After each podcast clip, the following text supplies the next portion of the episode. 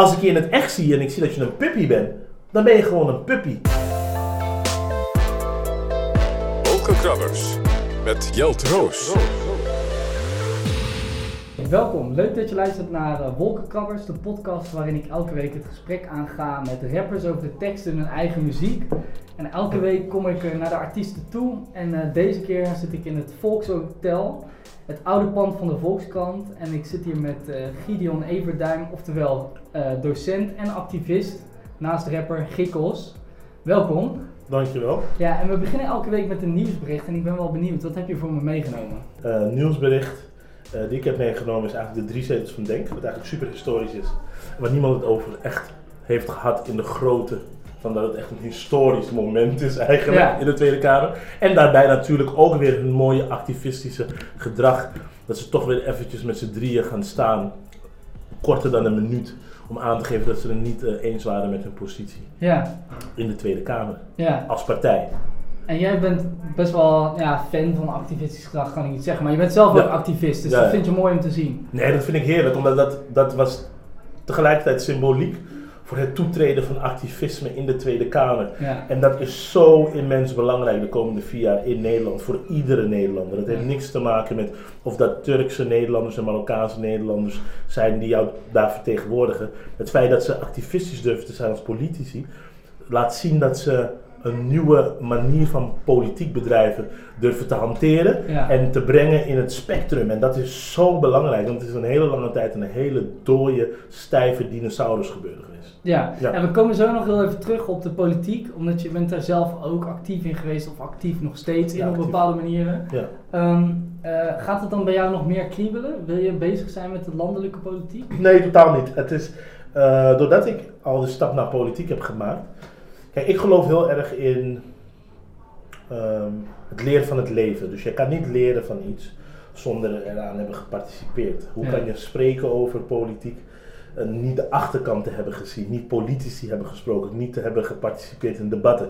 Um, dus toen wij begonnen met uh, Belmerstel als politieke partij, deden we dat om één, te snuffelen in een landschap die we niet kenden. Die eigenlijk tegen ons zeiden, nou dit is te eng, moet je niet willen doen. Juist als mensen zeggen, je moet niet komen kijken, dan moet je komen kijken. Dat hebben we gedaan. En uiteindelijk, na acht jaar zijn we tot de conclusie gekomen dat het wel welletjes is geweest. Uh, politiek bedrijven in uh, Nederland, stadsdeel, gemeenteraadspolitiek. Ja. Maar we moeten niet vergeten dat alles politiek is.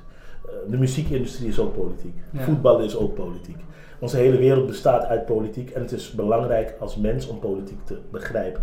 En zodra je politiek begrijpt, dan weet je ook meteen eigenlijk dat je um, de invloed die je kan uitoefenen op politiek op een hele andere manier kan doen dan participeren uh, aan de politieke spectrum als een Tweede Kamer, Eerste Kamer, gemeenteraads of stadsdeel. Ja. Weet je, je, je, je kan op een andere manier ook invloed uitoefenen. Ik heb uh, de afgelopen vier jaar uh, etnisch profileren op de politieke agenda gezet. Daar had ik geen politieke partij voor nodig.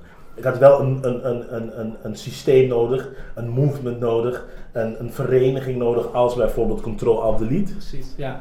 En daar hebben we het mee op de politieke agenda gezet. En we hebben mensen daarbij geholpen.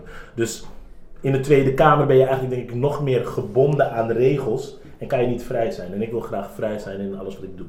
Ja, dus de politieke ambitie zit er voor jou niet echt meer in? Nee, zeg maar op die manier? Nee, op die manier niet. Maar wel politieke invloed uitoefenen. Ja, en dat wil je altijd op de manier van activisme blijven doen? Ja, ja maar actief, je wordt op een gegeven moment word je volwassen in activisme. Dus dan, mijn politieke activisme is tegenwoordig lobbyen. Ja. Een lobby is een, is, een, is een hele nette vorm van activisme bedrijven. Maar het is wel een manier om, om, om uh, druk uit te oefenen op politici uh, en op partijen, maar ook op de samenleving. Op welke manier kan jij die druk uitoefenen, denk je? Nou, bijvoorbeeld, je hebt Control Abdelit. Dat is uh, een organisatie die ik heb opgericht met Dionne Abdouli Veskan en Jair Schalkwijk. En wat we hebben gedaan is, mensen wisten niet eens wat etnisch profileren betekende. Dus dan ging ik in die activisme, ging ik eigenlijk aan de maatschappij bekendmaken als activist en als rapper wat etnisch profileren betekent. Ja. Daarna zijn we een documentaire gaan maken. Eh, ik heb ook de fietsendief-test eh, geproduceerd bij Zwart als Roet van Sunny Bergman. Mhm. Weet je, dus op zo'n manier probeer je eerst kenbaar te maken aan de maatschappij wat, wat, hoe uitsluitingsmechanismes werken en institutioneel racisme. En dus ook etnisch profileren. Ja. Om vervolgens, omdat dat zo opblaast, zo'n fietsendieventest en eh, dat we met z'n drieën de wijk ingaan in een witte wijk en mensen ons eh, nafluiten en aanpakken, dat blaast zich op op commercieel vlak.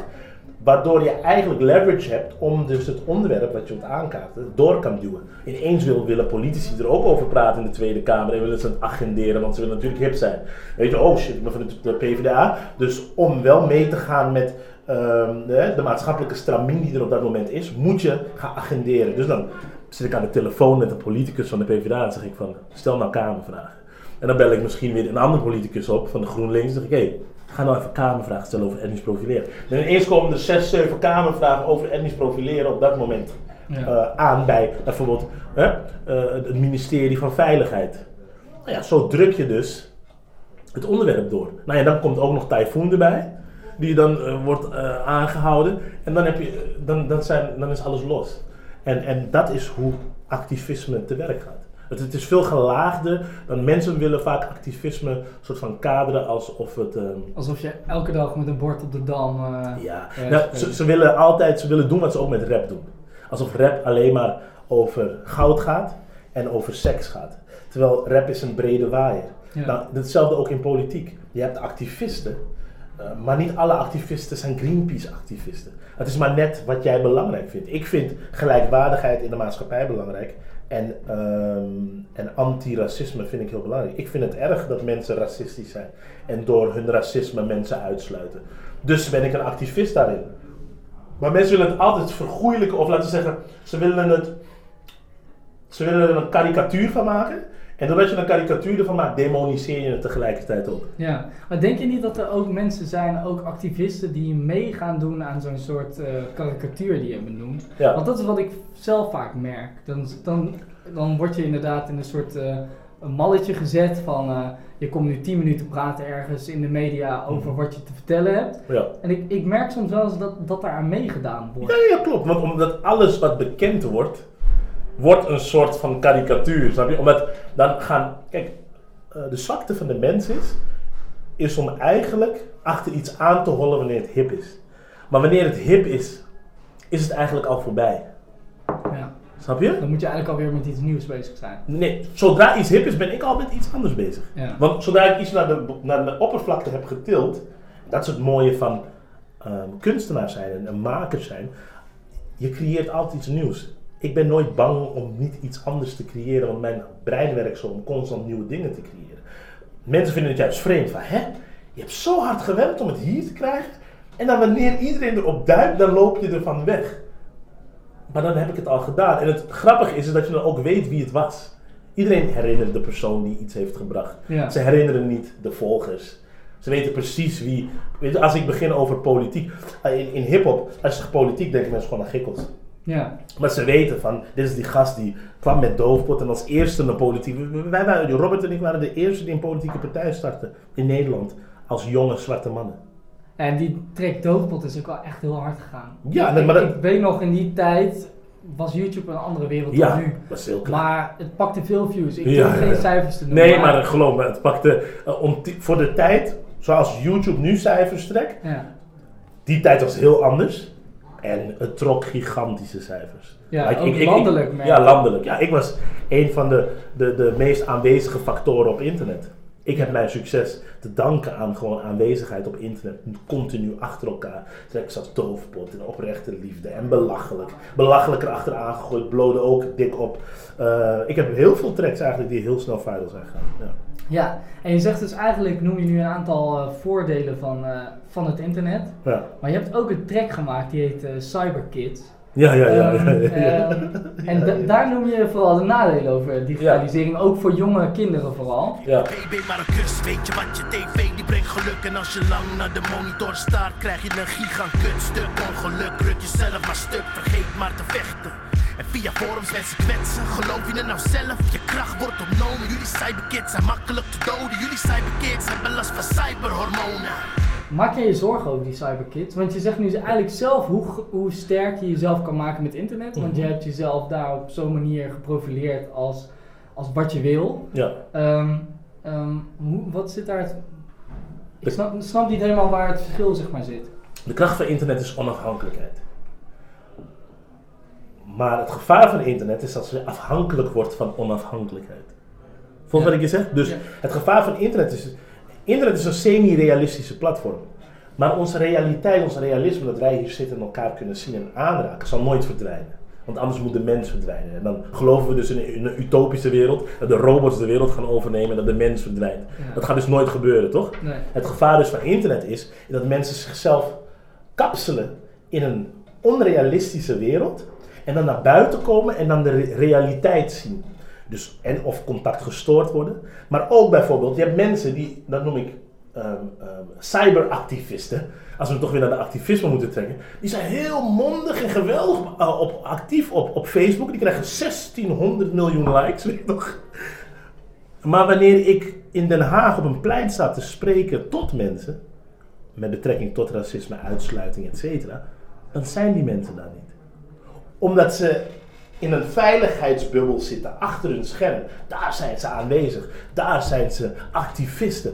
Maar een activist ben je niet alleen maar achter je scherm, dat ben je ook op straat waar de mensen je kunnen zien, zodat ze echt die, die woorden kunnen horen en die trillingen uit je stem kunnen horen, zodat ze weten van hé, hey, het is menens wat hij zegt. Ik kan een man niet alleen geloven die ik op internet zie, die pretendeert dat hij de grootste gangster van moeder aarde is. Snap ik bedoel? Als ik je in het echt zie en ik zie dat je een puppy bent, dan ben je gewoon een puppy. Dan is de film die je draait op internet wel heel mooi, maar het is niet een realistisch beeld die je schept. En dat is wat ik probeer uit te leggen met Cyberkids. Alles is en en en. Ik vind het niet nodig om radio uit te sluiten. Ik vind, je hebt en radio nodig, en internet nodig, en televisie. Wat het gevaar is, wat mensen vaak doen, is vanuit hun eigen activisme, want iedereen is een activist trouwens. Heb je jonge jongens, die krijgen miljoenen views op YouTube, en dan zijn ze opeens anti-televisie. Ja. Waarom ben je anti-televisie? Die televisie gaat nooit verdwijnen. Het gaat nergens naartoe. Het is een illusie als je zegt dat internet televisie gaat inhalen. Wat het wel doet, is dat de innovatief, het innovatieve gedrag speelt zich af op internet. Ja. Dus wat, wat moet televisie doen? Goed in contact blijven met die internet. Omdat als je innovatie naar binnen wilt halen op televisie, dan moet je letten op wat er met internet gebeurt. Maar die dinosaurus en die nieuwe puppy, die hebben elkaar nodig. Maar als jij alleen maar daar op internet blijft, dan ga je vierkante ogen krijgen. En dan is dat niet de realiteit waarin wij leven. We gaan nog steeds ehm, op kantoren langs om business deals te doen. We, gaan nog steeds, we spreken nog steeds af om te lobbyen over zaken. Zodra dat gaat verdwijnen, dan wil ik internet alle lof en credit geven wat het Ja. moet krijgen. Maar zodra ik nog steeds gesprekken heb, een koffie drink met mensen om te praten over zaken, ehm, dan moeten we niet eh, te, dan moeten kinderen bewust zijn dat ze ook een encyclopedie nodig hebben in hun leven. En Ja. niet alleen Google. Snap je? Maar ik ben blij dat Google er is. Want door Google kan ik wel tegen kinderen zeggen: je kan niet doen alsof je eh, onwetend bent. Nee, want je hebt alles. Je hebt alles. Als je wil. Maar ik, ik, wat, ik, wat je net zei vind ik wel heel interessant. Want je zegt, eh, eh, televisie gaat nooit weg. Nou, dat denk ik ook niet. Nee. Maar eh, denk je niet dat de markt gaat veranderen? Als ik kijk naar mijn, mijn neefje van 12, bij wijze van spreken. Mhm. Die is alleen nog maar op YouTube. En Ja, maar de markt is het veranderen. En daar komen allemaal, eh, ik denk dat er een tijd komt dat daar ook de grootste documentaires komen alleen nog maar op internet en dat soort dingen. Ja. Maar hoe zie jij die verandering in dat eh, landschap? Nou ja, wat, ik denk dat de verandering is in het landschap, is dat die dinosaurus moet gewend raken aan dat er een nieuwe puppy op de markt is die super hip is. Iedereen wil het puppytje hebben, iedereen wil het gewoon bezig zijn met YouTube en internet. Wat die dinosaurus moet doen, is die puppy omarmen. Hoe, zo, hoe langer jij afstand creëert tussen die puppy, des te groter de manifestatie is van die activisme binnen in die puppy. Ja. En dan wanneer, en het mooie is van internet, is dat er ook geld mee gegenereerd wordt. ja. Dat is gevaarlijk. Want die puppy is niet alleen maar schattig, hip en leuk. Het genereert ook geld. Dus je moet als dinosaurus, in dit geval de NPO en de televisie, RTL 4 en zo. Als je die, als je die puppy die internet heet niet omarmt, dan kan het zomaar zo zijn dat het een, een, een, een grotere, eh, kapitaalkrachtigere monster wordt dan dat jij eigenlijk bent. En dan vernietigt het jou in je macht. Niet in dus tv als in fysieke televisie, maar wel in de macht. Ja. Dus het kan zomaar zo zijn dat de macht en invloed verschuift dan van televisie naar Maar je, maar je ziet dat al gebeuren, toch? Ik bedoel, je hebt RTL, ehm, nu moet ik ook even alles noemen, maar je hebt RTL bij Ja. wijze van spreken, de NPO die is nu bezig met boos en dat soort dingen. Ja. Dus, dus jij ziet het wel positief in dat het allemaal gaat veranderen. Ja, maar de hele wereld is aan het veranderen. Ja. Dus dit, dit gebeurt in televi- televisieland, dit gebeurt in de politiek. Ik had net een gesprek met een vriendin over de telefoon, die komt net uit Amerika. En dit gebeurt ook bij de VN. Zo ik bedoel, mensen weten niet meer waar ze naartoe moeten. Omdat ehm, vroeger bracht je je geld naar Giro 555 en, Ja. naar, en naar de Wereld Natuurfonds. Tegenwoordig als mensen mensen willen helpen in Syrië, dan bestellen ze zes bussen. Dan, dan gaan ze gewoon met die bussen naar Griekenland. En dan filmen ze dat. Omdat ze ook weten dat ze het kunnen uploaden op YouTube. En dat ze ook zo mensen kunnen bereiken. En dan gaan ze het doen. Ja. En de corporate wereld is dus nu in de tweestrijd tussen de, het individu- individualisme, wat eigenlijk niet zo goed is eigenlijk, van mensen. Maar wat het positief is van individualisme, is dat mensen eh, op zichzelf leunen en bouwen om iets te genereren. Het zij geld, het zij macht, het zij invloed. Het zijn gewoon voor de fun. Maar we hebben elkaar niet meer echt nodig. Dus ik, als, ik heb jou niet echt nodig. Weet je, toch, kijk, kijk waar we nu een interview doen. Ja. We, we doen het gewoon hier en we pluggen het in en we doen het gewoon. Vroeger moesten we echt naar een, een studio om dat te doen. Ja. Dus ik denk dat de corporate, eh, de corporate bedrijven leren nu pas omgaan met die snel veranderende internetwereld. En dat is gewoon eh, goed, want het brengt wel werelden dichterbij. En juist onze generatie is niet zo van de kaders. Nee. En die dino-generatie, zij kunnen niet eens iets begrijpen als ze het niet kunnen kaderen. Snap je? Dus ze zien jou als een jongen met een pet en een capuchon. Dat noemen ze een capuchonjongere. Dat is jargon, dat is politiek jargon. En een capuchonjongere, ja, die hangt waarschijnlijk, luistert naar hip-hop. Snap je wat ik bedoel? Ja. Die zou niet nu een politiek gesprek hebben met Gikkels. Want dat kan toch niet? Die zijn toch niet geïnteresseerd in politiek? Maar dan hebben ze de afgelopen verkiezingen, hebben ze weer het gezien. Die zijn geïnteresseerd in de politiek. Sterker Ja. nog, die zijn massaal gaan stemmen. Ja, maar nu heb je dan weer over de positieve kanten van het internet. Ja. Je, je, hebt, het, je hebt het vaak op, je bent ook actief op internet, laat ik zo zeggen, Ja. op Twitter bijvoorbeeld. Ja, Maar daar zie ik ook af en toe dat je er echt met gestrekt been in gaat. ik ga altijd een gestrekt been in. Ja, en je moet gelijk lachen. Dat Ja. zien mensen natuurlijk niet, maar, Ja. maar is dat altijd positief, denk je? Mijn gestrekt been? Ja, Ja, mijn gestrekt been is altijd want, want ik reageer altijd uit liefde. Alles wat ik doe is uit liefde. En ik ben een man, ik ben heel gepassioneerd. En je kan mijn passie verwarren met boosheid. Maar ik ben nooit boos, want ik ben in zo'n mooie space in mijn leven al heel lang. Omdat ik heb geen baas naar wie ik iets moet verantwoorden. Ik ben mijn eigen baas. Ik sta elke dag freaking vrolijk op. Het, kan, het enige wat, wat, wat negatief kan zijn, is mijn niveau en energie. ja, Maar voor de rest voel ik me altijd happy en goed. Uh, mijn gestrekt been komt voort uit, ehm, uit liefde, omdat ik hou gewoon niet ervan om mensen te zien die trucjes hanteren. En kijk, je hebt twee vormen. Ik, ik, ben, heel, ik ben een zwart-wit denker. Goed en slecht, lijden of misleiden. En dat is de wereld waar we in, in leven. Je hebt mensen die zijn slachtoffer van een persoon die misleidt. Maar je hebt ook mensen die de uitkomst zijn van personen die lijden. ja. En dat zijn twee verschillende soorten mensen. De een gelooft die misleid wordt, gelooft in een illusie. En de ander die geleid is op een juiste manier, die heeft een veel reëler beeld van wat echt is. Kan je van die twee kanten gelijk voorbeelden noemen? Nou, neem bijvoorbeeld de Zwarte Pieten discussie. Ja. Je hebt een groep die zegt Zwarte Piet is racisme. En je hebt een andere groep die dat ziet als larikoek. Maar één van die twee groepen is gek. Ja, Dat is gewoon een feit. Eén van die twee groepen is uitermate gestoord, gek, contactgestoord en een idioot. Is gewoon een feit, ga ik je nu al zeggen. ja. Dat is de conclusie die we moeten trekken. Eentje is goed en eentje is slecht. Maar mensen kunnen ook veranderen, toch? Want ik, ik denk dat als je het vijf jaar geleden aan mensen had gevraagd, dan was denk ik 80% van Nederland had nog niet eens door dat er zo'n discussie was. Eh, weet je wel, dan eh, laat staan dat ze erover na hadden gedacht. Mhm. Ik denk nu dat dat heel erg veranderd is. Het is veranderd, maar, wel- maar wel ten goede. Dus Ja. dan is diegene die eerst heel gek eruit zag en klonk. Ja, Want in de wereld klink je gewoon heel gek. Als je, daar, als je dat normaal vindt. Als je Ja. Zwarte Piet geen racisme vindt en je gaat naar Amerika, zeggen ze je bent gestoord. Nee, snap wat ik bedoel? ja. En ik, ik zeg dus niet dat er geen ruimte is om te veranderen. Ik zeg alleen dat je op dat moment misleid bent. ja. Maar stel je voor, iemand luistert nu eh, op dit moment en die zegt, nou, ik vind Zwarte Piet een top idee.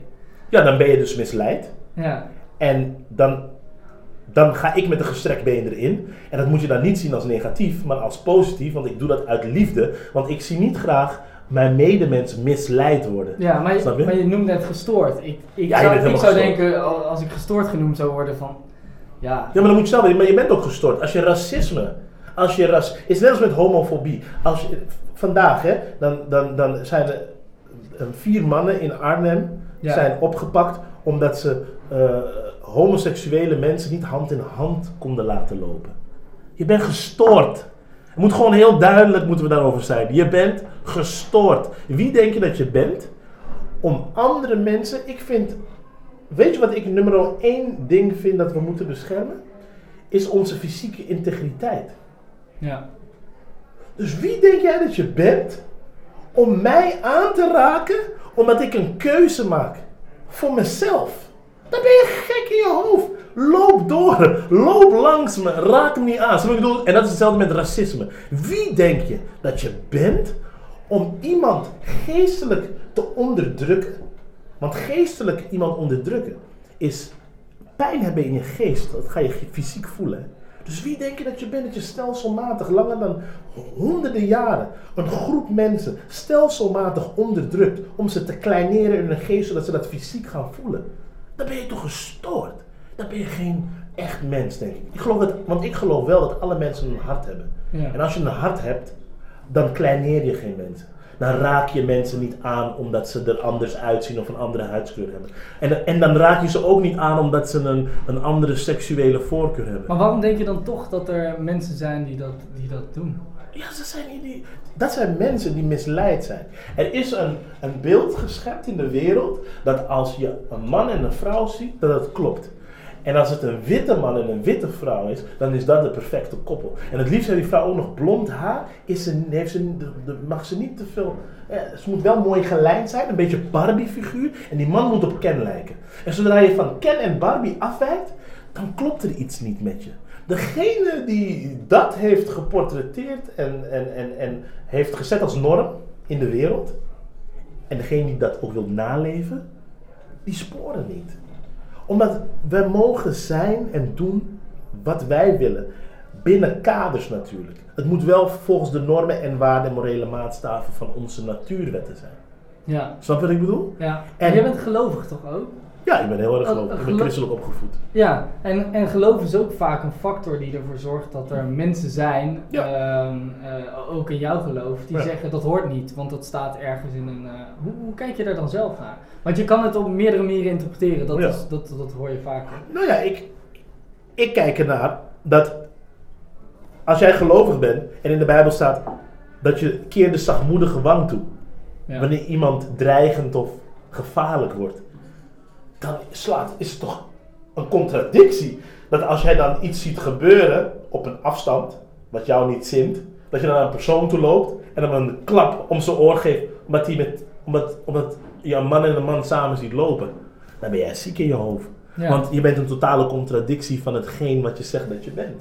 En dat zeg ik vaak tegen mensen. Als jij zegt dat je een christen bent, of als je zegt dat je een moslim bent, begrijp je dan wel de taal die in het boek staat? Want als je de taal begrijpt die in het boek staat, daarom is taal heel belangrijk, dan weet je ook hoe je je moet gedragen. Ja. Maar als je de taal wilt interpreteren als jouw waarheid. En je wilt het buigen wanneer het jou uitkomt, omdat het vandaag maandag is en de zon schijnt. Dan is dat jouw waarheid. Maar dan is dat niet wat daar staat. Snap je? Dat is ook weer misleidend. Maar dingen in de Bijbel bijvoorbeeld, of in de Koran, dat staat toch, dat staat toch nooit letterlijk... Nooit. eh, dus, dus jij zegt taal is daarin belangrijk, maar dan, dan is het toch jouw interpretatie en de interpreta- interpretatie van je buurman bij wijze van spreken. Nou, wat het dus gevaarlijk maakt, is als jij taal niet begrijpt. Als je niet weet te communiceren. Dus niet weet te luisteren. En je niet, en je niet kan begrijpend lezen. Dan haal jij er altijd iets anders uit dan wat ik eruit haal. Oog om oog, tand om tand is voor mij heel duidelijk. Keer de zachtmoedige wang is voor mij heel duidelijk. Maar het is voor iemand misschien betekent iets heel anders. Misschien wanneer mijn buurman wordt keer de zachtmoedige wang, weet hij dat hij juist zijn zwaard moet trekken. Maar als ik de Bijbel lees, staat er juist dat zij die de zwaard heffen, het probleem hebben. Ja. Snap wat ik bedoel? Dus een, als ik bijvoorbeeld dan zie dat mensen in naam van de Koran eh, oorlog voeren, dan moet je je de vraag stellen: zijn dat echt mensen die de Koran begrijpen en bestuderen? Of zijn het mensen die anderen proberen te misleiden en het boek misbruiken om anderen in een kwaad daglicht te stellen en te brengen? Dat is wat ik me meteen afvraag wanneer ik dat zie gebeuren. Want de moslims die ik ken, die het boek heel goed interpreteren en de woorden heel goed begrijpen, die leven heel anders dan al die mensen die ik daar buiten zie en zichzelf ISIS noemen.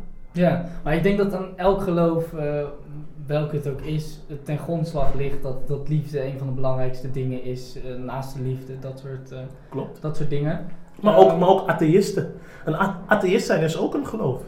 Ja. Weet je, dus dat, mensen doen altijd alsof, alsof christenen en moslims en, en, en, en, en, katholieken, dat is een geloof. En dan een atheïst is, maar een atheïst is ook een geloof. Politiek is zelfs een geloof. Ja. Want je moet geloven in de ideologie van een politieke partij. En daar stem je dan op. Ja. En dan ga je af en toe naar... naar Maar je hebt het net over de echte wereld en de, de wereld die je niet letterlijk ziet. Ja. Dat is denk ik ook in de Bijbel staan heel veel verhalen die je niet letterlijk meer, daar kun je niet meer bij zijn. Nee, tuurlijk niet. Maar je kan wel heel goed lijnen trekken naar hedendaagse gebeurtenissen. Ja. Dus ik bedoel, een verhaal als Kain en Abel is gewoon een verhaal van Kain en Abel. Dat is als een verhaal over eh, Anne Frank. Dan kan je ook lering uittrekken. Ja. Nou ja, Kain en Abel is een verhaal van broederliefde, wat uiteindelijk uitmondt in broederhaat. En eentje, de een maakt de ander dood. Dan kan je een lering uittrekken. Net als het verhaal van Adam en Eva. Net als het verhaal van Mozes. Is dat geloof voor jou, leringen trekken uit dat soort, Ja, uit dat soort verhalen? Ja, want, want het geloof voor mij is dat dat soort verhalen dusdanig goed begrijpen dat je het als moreel kompas gebruikt in het hedendaagse om je heen. Ja. Dus dat je het als sprieten op je hoofd gebruikt. Van, oh dit herken ik van een verhaal. Oh dit lijkt heel erg op een Kain en Abel ding. Nou, ik ga niet deze kant op. Zo, ik bedoel, dat, zo sta ik in het leven. Snap je? En dat, maar niet met alles, omdat ik ook wel innovatief probeer te blijven en wel eigentijds probeer te zijn. Dus ik kan onmogelijk een antiracist zijn en een homo haten. Dat is like, die, dat, dat is zo'n contradictie. Dat kan niet eens. Ja. Snap je? En ik, ik wallig van mensen die anderen haten, eh, gebaseerd op niks. Haat is een te vreselijk woord. Je moet ook het begrip haat, het woord haat begrijpen voordat je het uitspreekt, vind ik. Ja, maar als je dan bijvoorbeeld eh, teruggaat naar je, naar je Twitter, dan zie ik ook wel tweets. Je zegt, je zegt zelf ook, het is passie, geen boosheid. Ja. Maar het zijn 140 tekens. Ik zie niet hoe jij eh, die, die, die 140 tekens eh, ehm, eh, op Twitter hebt gegooid, bij wijze van spreken. Ja. Maar bijvoorbeeld, ik, ik neem een klein voorbeeld. Ja. Als, als ik trouwens nog één persoon hoor zeggen dat onze democratie werkt en goed is, dan disqualificeer ik je tot oogklepschaap. Ja, heerlijk. Ik, ik denk, alleen ik kan dat ook tweeten volgens mij. Ja, Ja. Ja, maar ik vond het wel heel tekenend. Maar aan de ene kant, voor mij, ik zie daar ook heel veel vijandigheid in ergens. Nee, het is, is geen vijandigheid. Het is een conclusie. Wij verdedigen een democratie waar wij stellig in geloven. Onze democratie is geloof, hè. Maar vergeet niet wat onze democratie ook aanricht. Wij focussen ons altijd op geloof, hè. Maar weet je wat onze democratie doet? Onze democratie, sinds mensengeheugenis, gaat landen in om het te kolonialiseren. Noem het kolonialiseren van vroeger of neocolonialisme nu. Dus zij gaan naar landen waar zij, waarvan zij vinden, daar is nog geen juiste democratie. Nee. Zij landen in Vietnam, zij landen in Irak, zij landen in Afghanistan om mensen te vermoorden, kinderen uit te buiten, te verkrachten, mensen eh, varkenskoppen te laten opvreten, de men- meest mensonterende situaties. In de naam van democratie. Ja, je hebt het vaak over de democratie, die niet En- werkt. Nee, Dus. en dan moet je je afvragen, werkt onze democratie? Sinds wanneer breng je vre- vrede door vrede te bestrijden met geweld? Ik snap daar helemaal niks van. Dus je zegt je brengt vrede, maar je komt iedereen afschieten. Ja. Wat kom je afschieten? Wie zijn we komen doodmaken toen we Irak in zijn gegaan? Zijn ze gevonden, die mensen die we zochten? Nee. Nee, toch? En dan moet je je afvragen, werkt de democratie? Nee, maar stel je nou voor, eh, we hadden een ander systeem. Wat, wat voor systeem zie je voor je? Laten we daar beginnen. Een nieuw systeem. Ik denk dat we aan een tafel moeten zitten met heel veel knappe koppen. Ja. In alle lagen van de samenleving. En het is tijd voor een nieuwe wereld met een nieuw systeem. Waarin mensen gelijk, je moet mensen gelijkwaardigheid gaan bieden. Want mensen willen niet meer gezien als tweede rangs. Dat is juist wat nu in Nederland gebeurt. Jij gaat me door me, Gikkels ga jij niet meer aanspreken als allochtoon. Ik ben een Nederlander. Ik ben geboren in Den Helder, getogen in de Belmen. Ik weet wat de visafslag betekent. Ik ben meer Nederlander dan de meeste doorsnee witte Nederlander. Ik weet meer van de Nederlandse normen, waarden en morele maatstaven dan de doorsnee witte Nederlander in Amsterdam. Ja. En dan wil je mij kwalificeren als tweede rangs, of soms zelfs als derde rangs. Dat accepteert mijn generatie niet meer. Mijn moeder en onze ouders accepteren dat misschien nog, maar wij zeggen gewoon van stop. Wij eisen nu macht en invloed op.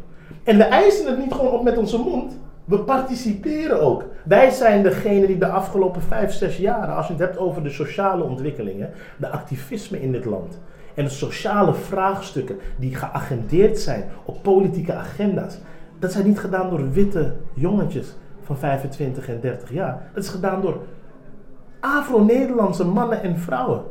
Die zijn opgestaan en hebben gezegd: wij als Nederland moeten gaan veranderen. Snap ik bedoel? Dat betekent dat er een emancipatieslag gaande is in die groep. En dat moet je accepteren. Jij en ik kunnen gewoon tegenover elkaar zitten. Er zit geen haat in. Snap ik bedoel? Maar ook geen onderdrukking. Ik wil gewoon jou succesvol zien. Ik vind het mooi als tien mensen hetzelfde type huis hebben. Met dezelfde auto voor de deur.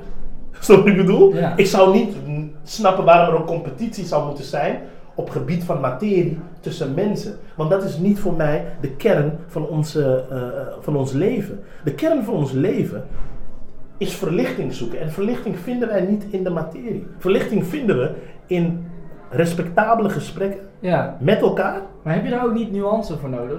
Want even nog kort, ik, ik Ja. heb je ook bijvoorbeeld eh, zien, zien tweeten. Ja, de nuance is echt. Dat, dat, dat, dat was tegen, eh naar Appa trouwens. Ja, Eh, je hebt het vaker erover gehad, maar ik- dat, dat je zegt, je moet heel duidelijk zijn, zeg je eigenlijk tegen hem, we hebben deze tijden niks aan nuance, zeg je.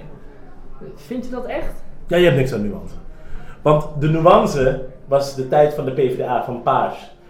Je moet politiek echt heel goed, dus je moet politiek volgen om te snappen. Als ik bepaalde dingen zeg, zeg ik het in de context, in een brede historische context. De nuance maakte dat we nooit hebben gesproken over de integratie van mensen. Ja. Maar denk je niet dat je ook eh, heel veel verschillen krijgt? Want als je er niet de nuance opzoekt, als ik kijk naar de politiek, dan eh, vind ik eh, Denk niet echt een partij die de nuance opzoekt. Dat zeg Ja. je zelf ook activistisch. Ja, helemaal goed. Maar de PVV heb je ook. Ja, Maar die staan zo ver uit elkaar. ja. Maar ze spreken de waarheid. Ze? Oh, de PVV ook? De PVV spreekt de waarheid. Ze spreken een waarheid uit die in de onderbuik zit van heel veel witte Nederlanders. En, de, en Denk spreekt een waarheid uit die gewoon, dat gebeurt in Nederland wat Denk allemaal zegt. En Ja. wij, zal ik zeggen wat gevaarlijk is? We hebben onze mond vol hè, over eh 4 en 5 mei en het, eh, het, het, het, het herinneren van mensen als Anne Frank en Joden, toch? Ja. Weet je wat ik eng vind deze tijden? Oprecht eng. Is dat we niet stilstaan bij het, het opkomen van islamofobie. De manier waarop de maatschappij in de hele wereld druk zet op moslim. Nederlanders, Europeanen en in de hele wereld. En van hun eist dat ze, eh, eh, eh, dat ze eigenlijk moeten, want wanneer bijvoorbeeld er een bomaanslag is in Frankrijk, dat de wereld hun eist dat ze dat verlogen en zeggen dat Afstand hoort niet, ja. doe afstand. Dat, dan neigen we naar een nieuwe vorm van uitsluiting. Want waarom eis je ze dat van, van die mensen? Maar er zijn toch superveel mensen die dat ook niet eisen. Als ik bijvoorbeeld, ik, ik ben ook best wel actief op Twitter, niet als eh, met tweeten zelf, maar ik volg het dan allemaal en dan zie je, altijd zie je bepaalde stromingen ontstaan. Je ziet eh, bij wijze van spreken Wilders, die reageert erop, Ja. omdat de mensen eh, die hem volgen, die willen zien dat hij eh, zegt van, zie je nou wel? Ehm, er zijn, maar er zijn ook altijd staan er mensen op ehm, die inderdaad vragen om doe afstand. Maar er zijn ook altijd mensen zoals jou bij wijze van spreken. Die vervolgens weer oproepen om te zeggen, jongens, waar gaat het over? Maar precies. Wij hoeven toch ook geen afstand te doen van alle verschrikkelijke dingen die we in de geschiedenis hebben gedaan. Nou, en wat ik tegen jou eigenlijk wil zeggen is, het werk wat ik doe en wat heel veel anderen ook doen, Het bestaat niet zoiets als extreem links, want dat betekent dat we extreem goed zijn. Wij hebben nog nooit iemand vermoord. Ik heb nog nooit iemand vermoord. Ik heb nog nooit iemand in elkaar geslagen om zijn huidskleur. Of omdat ze een vrouw is, of omdat hij homo is. Ja. Er zijn mensen die mensen in elkaar slaan omdat ze homo zijn en bruin, een bruine huidskleur hebben. Of omdat ze vrouw zijn. Hoe noemen we die mensen? En wat moeten we met die mensen doen? Dat vraag ik me vaak af. Want wat mensen, wat het gevaar is van wat mensen doen, is ze proberen bijvoorbeeld mij wil je in een hokje plaatsen alsof ik heel fout ben en niet de nuance opzoek. Maar ik ben denk ik heel erg duidelijk in de waarheid die ik verkondig. Ik verkondig een waarheid. En dat is de waarheid van de rechtvaardigheid. En we leven in een tijd waar die rechtvaardigheid, daar kan je niet meer omheen dansen. Mensen willen rechtvaardigheid. Als jij tientallen jaren lang mensen aan de onderkant van de maatschappij laat rondkomen met bijna niks. En die mensen die lachen hier met je in de stad. Maar wanneer ze terug gaan naar huis, gaan ze naar een huis met heel weinig. Ja. Maar ze lachen wel met je. Mensen moeten bij zichzelf, ze moeten zichzelf afvragen wanneer ze ooit empathisch genoeg zijn geweest en menselijk genoeg zijn geweest om die mensen te vragen, maar hoe gaat het echt met je?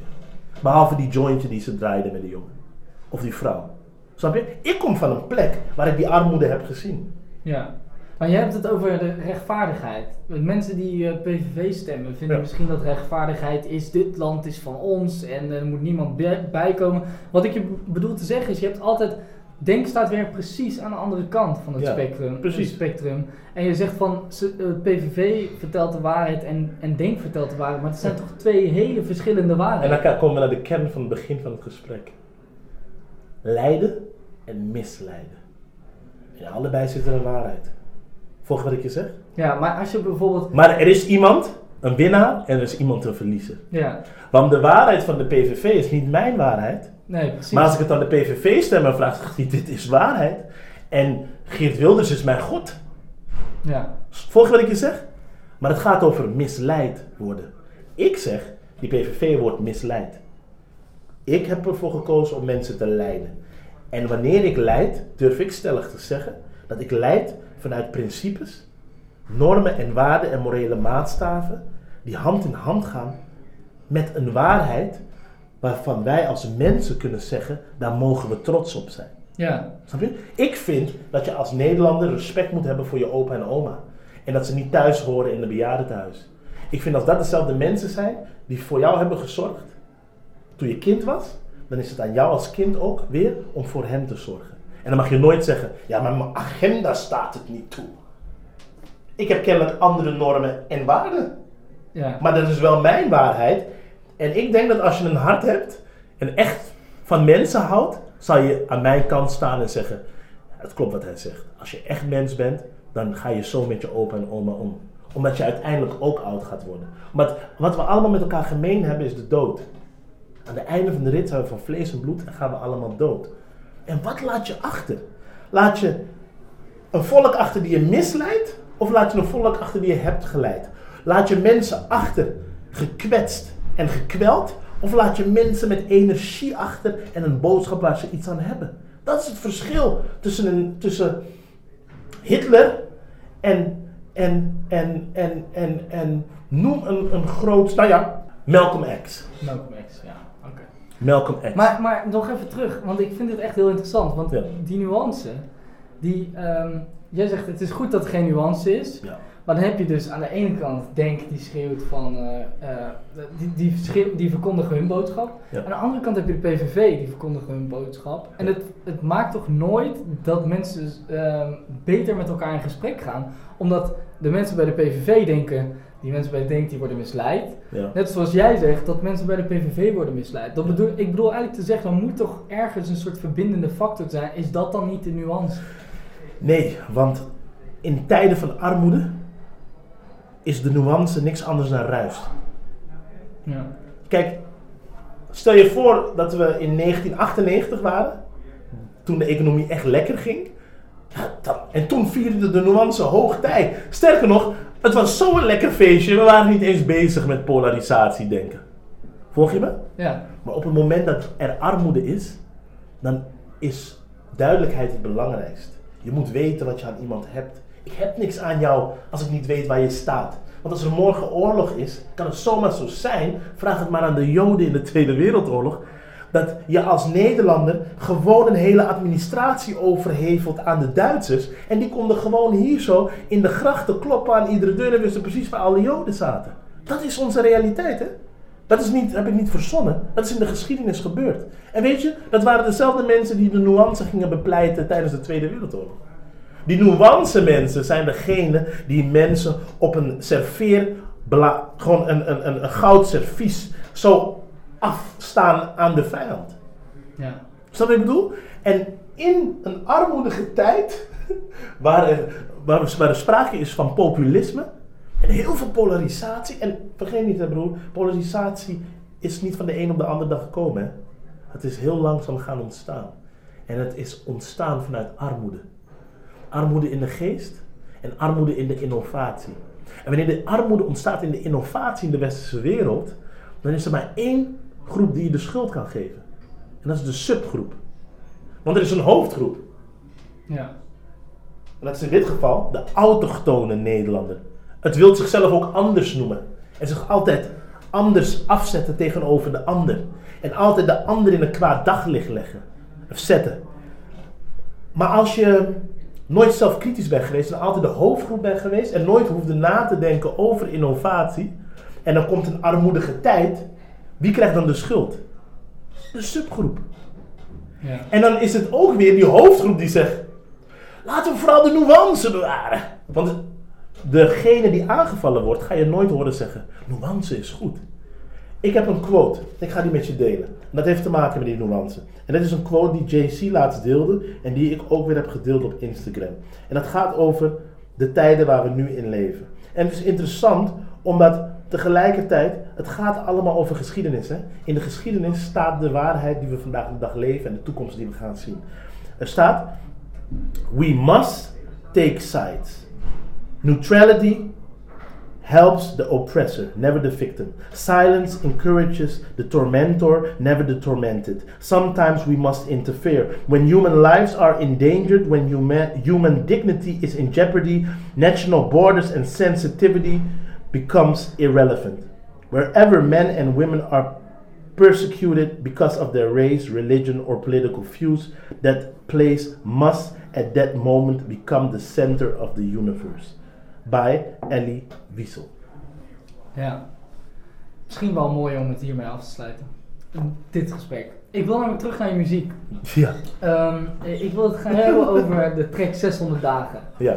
Ehm, eh, daarin zeg je dit. 600 dagen lang mogen volwassenen van mijn part doorgaan. Maar kinderen, daar kom je niet aan. Nederland, je ontkomt er niet aan. Vanaf vandaag tweet ik elke dag Free Syrië. Totdat Assad wordt gearresteerd als Gaddafi in Libië. Totdat de NOS het zelfs onderbreekt voor de presidentsverkiezingen. Want ik kan niks anders dan mens zijn, empathie tonen als vader en echt zijn. Je gaat me toch niet vertellen dat we als mensheid verpest zijn. Ehm, toevallig kwam drie dagen geleden in het nieuws dat het eh, Witte Huis heeft aangegeven dat eh, het arresteren van eh, Assad niet meer hoog op hun prioriteitenlijst staat. ja.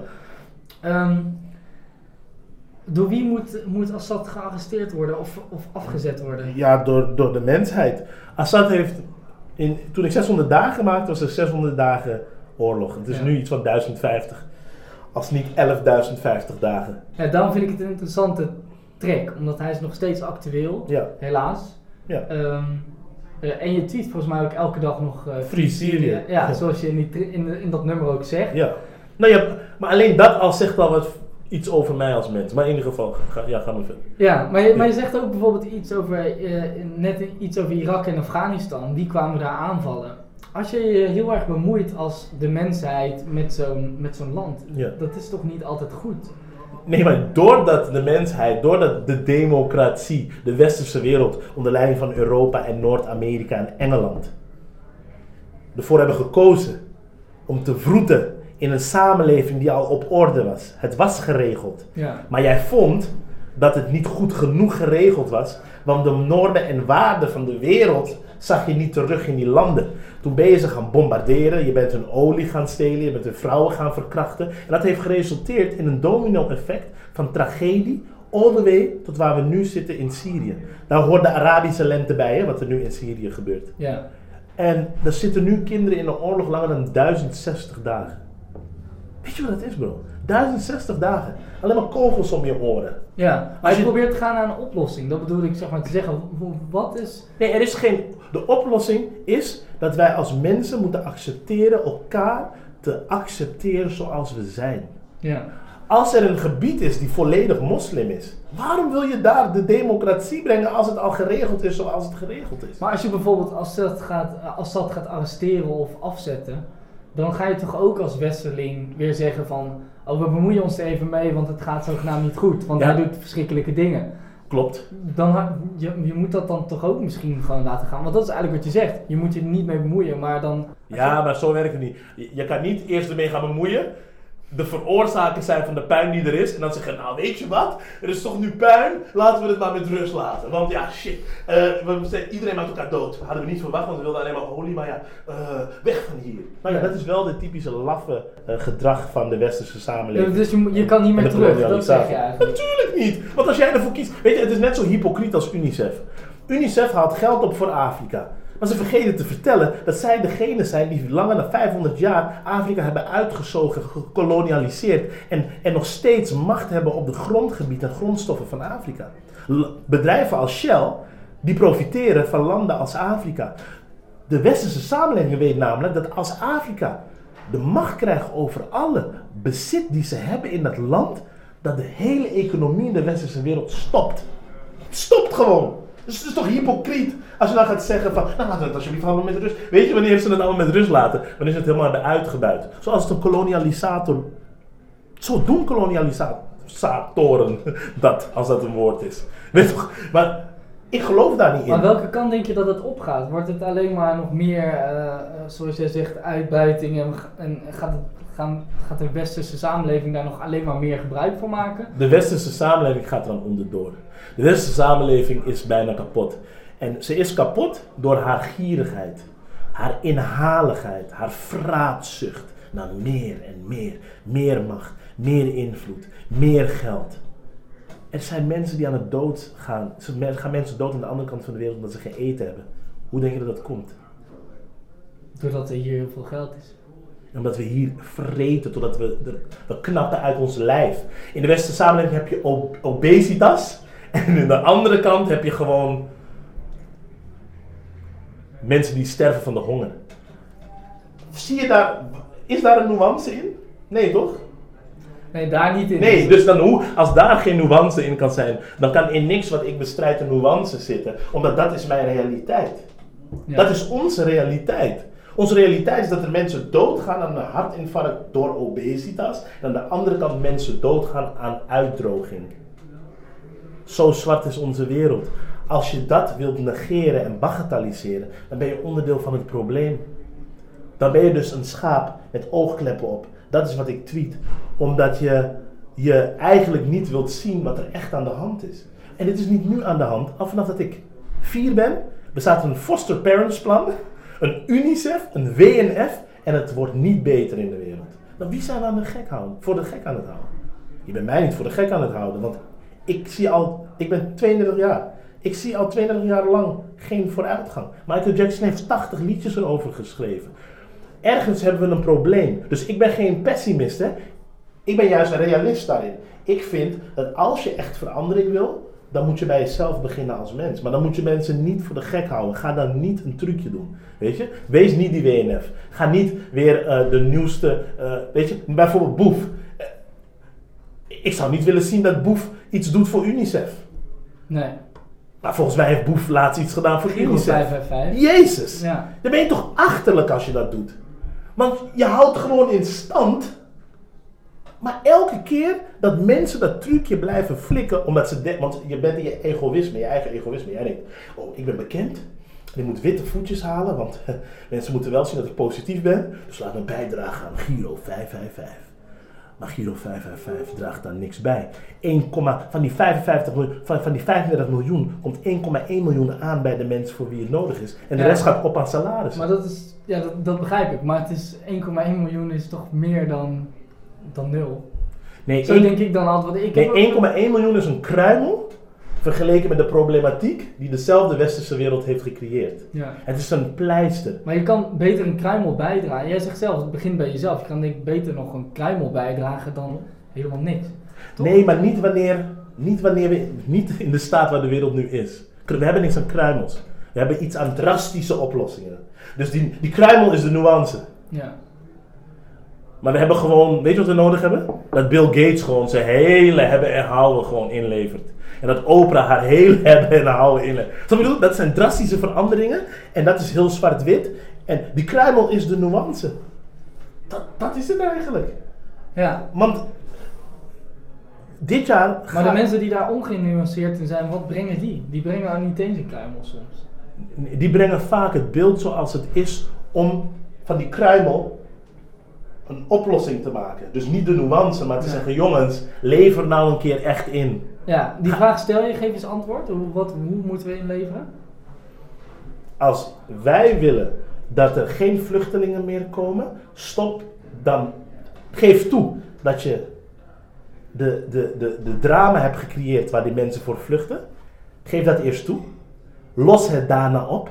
En dat, ik bedoel, als jij met het idee kwam om daar te bombarderen, dan moet je ook de oplossing hebben. Want anders ben je niks anders dan een psychopaat, toch? Ja. Want alleen een psychopaat vermoordt om het vermoorden. Maar als jij daar bommen hebt gedropt en diezelfde bommen veroorzaken na tien jaar een vluchtelingenstroom, dan moet jij ook de oplossing hebben om dat op te lossen. Maar bij mij moet je niet komen vragen naar die oplossing, want ik heb niet de macht en de invloed gehad. Ik, ben, ik hoor niet bij de koningen en koninginnen van de wereld die mensen onderdrukken in onze piramidesysteem. Ja. Ik ben gewoon net als jij. Maar het verschil is dat ik wel het kan zien. Ik, Ja. ik, ik, ik, ik, heb, ik, heb toch, ik heb geen behoefte om mensen dusdanig te onderdrukken. Ik, ik, ik wil niet eens zien dat. Ik zou het niet eens in mijn hoofd. Ik zou niet eens op een knop drukken. Wetende dat, dat morgen 100.000 kinderen en vrouwen doodgaan. Anders kan ik nooit een nummer dan 600 dagen schrijven. Ik, toen ik dat zag, moest ik huilen. Daarom heb ik het nummer geschreven. Omdat ik een, ik wilde een bewustwordingsproces creëren in Nederland dat gaande was. Wist je dat toen ik het nummer 600 dagen schreef, had niemand het over de oorlog in Syrië. Niemand in Nederland wist dat er iets in Syrië gebeurde. Ik was de eerste die, die bewustzijn bracht. Weet je wat mensen mij gingen vragen bij radio en televisie? Waarom doe je dit? Dan denk ik bij mezelf, dan denk ik bij mezelf, wat voor vraag is dat die je me stelt? En toen ik afgelopen jaar in Suriname was, belden ze me op. Die vluchtelingen van Syrië zijn in de Belmen. Ik zeg maar, ja natuurlijk. Dat wist ik al toen ik 600 dagen schreef. Ja. Dat is waar het over gaat. Ik wil niet degene zijn die zegt, I told you so. Wat ik je wil zeggen is dat ik analyseer een situatie. En mijn analyses komen niet gewoon zomaar ergens vandaan. Maar hoe krijg je mensen meer in jouw belevingswereld dan? Want stel je nou voor, eh, die, die jaren terug, moet die vraag gesteld worden nog van eh, waarom doe je dit? Ehm, eh, hoe krijg je het dan voor elkaar om, om zeg maar, dat soort dingen dichter bij elkaar te krijgen? Want nu is er een aantal jaren overheen gegaan en denk je nu, inderdaad, er zijn Ja. vluchtelingen hier, I told you so. Ja, ik, maar- denk, ik, denk, ik denk dat mensen veel meer. Ik, ik, ik denk dat mensen niet.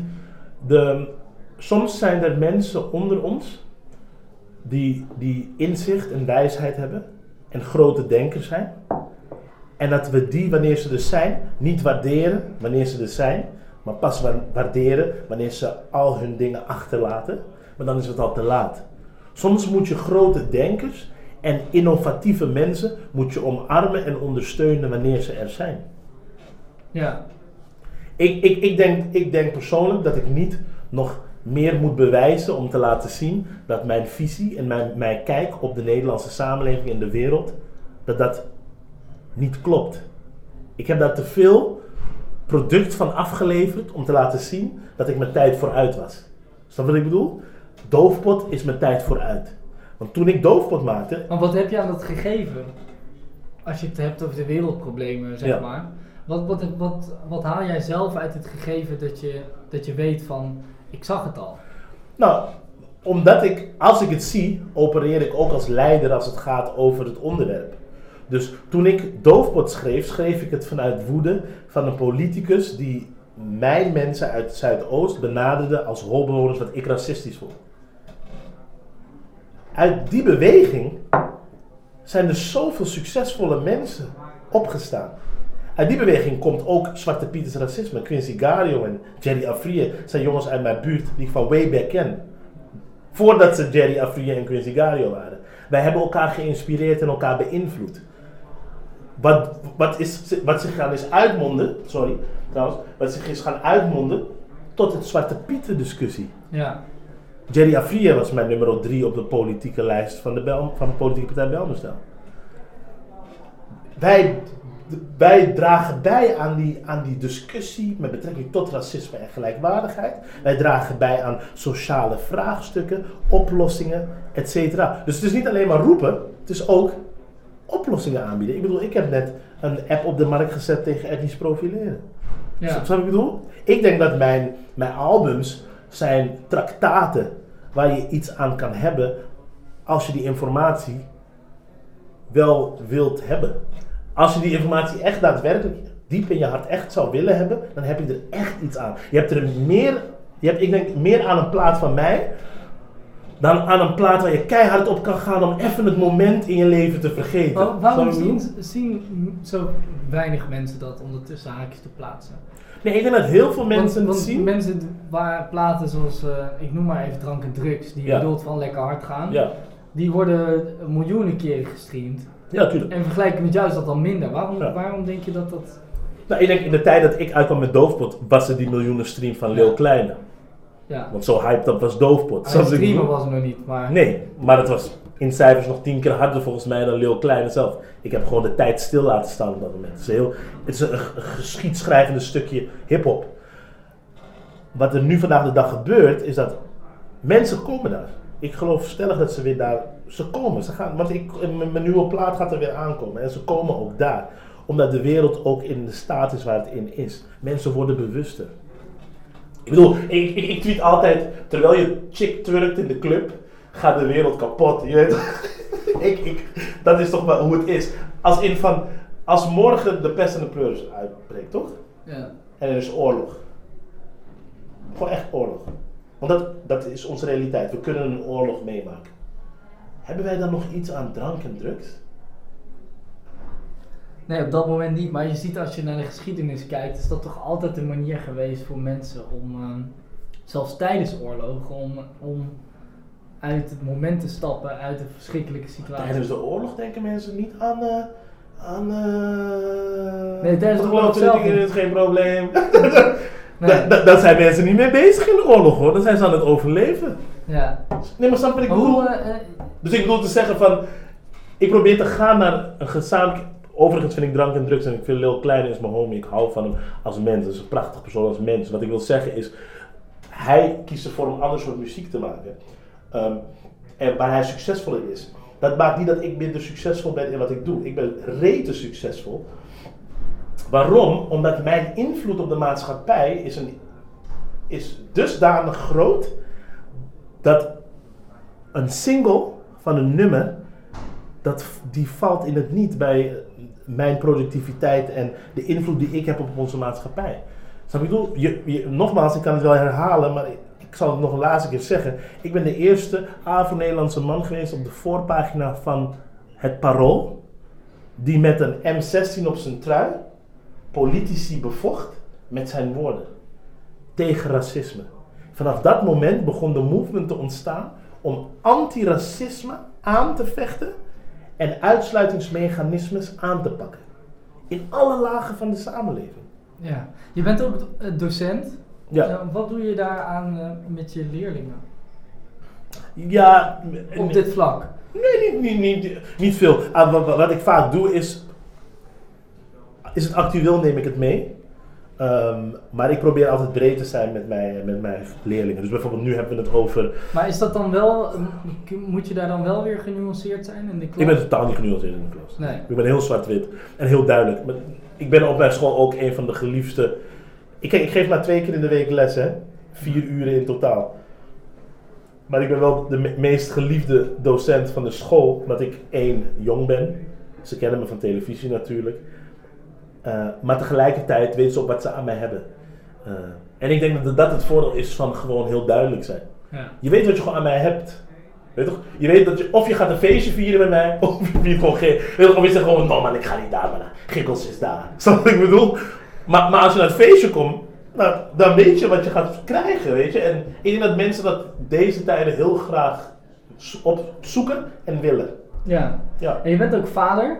Ja. Ehm, eh, hoe zie je je rol als vader in dit soort onderwerpen? Ge- eh, heb je het er veel over? Nee, nee, nee, nee, nee, nee, nee, nee, nee, nee, nee. Daarin ben ik gewoon, ik laat alles op zijn beloop. Je, je moet niet...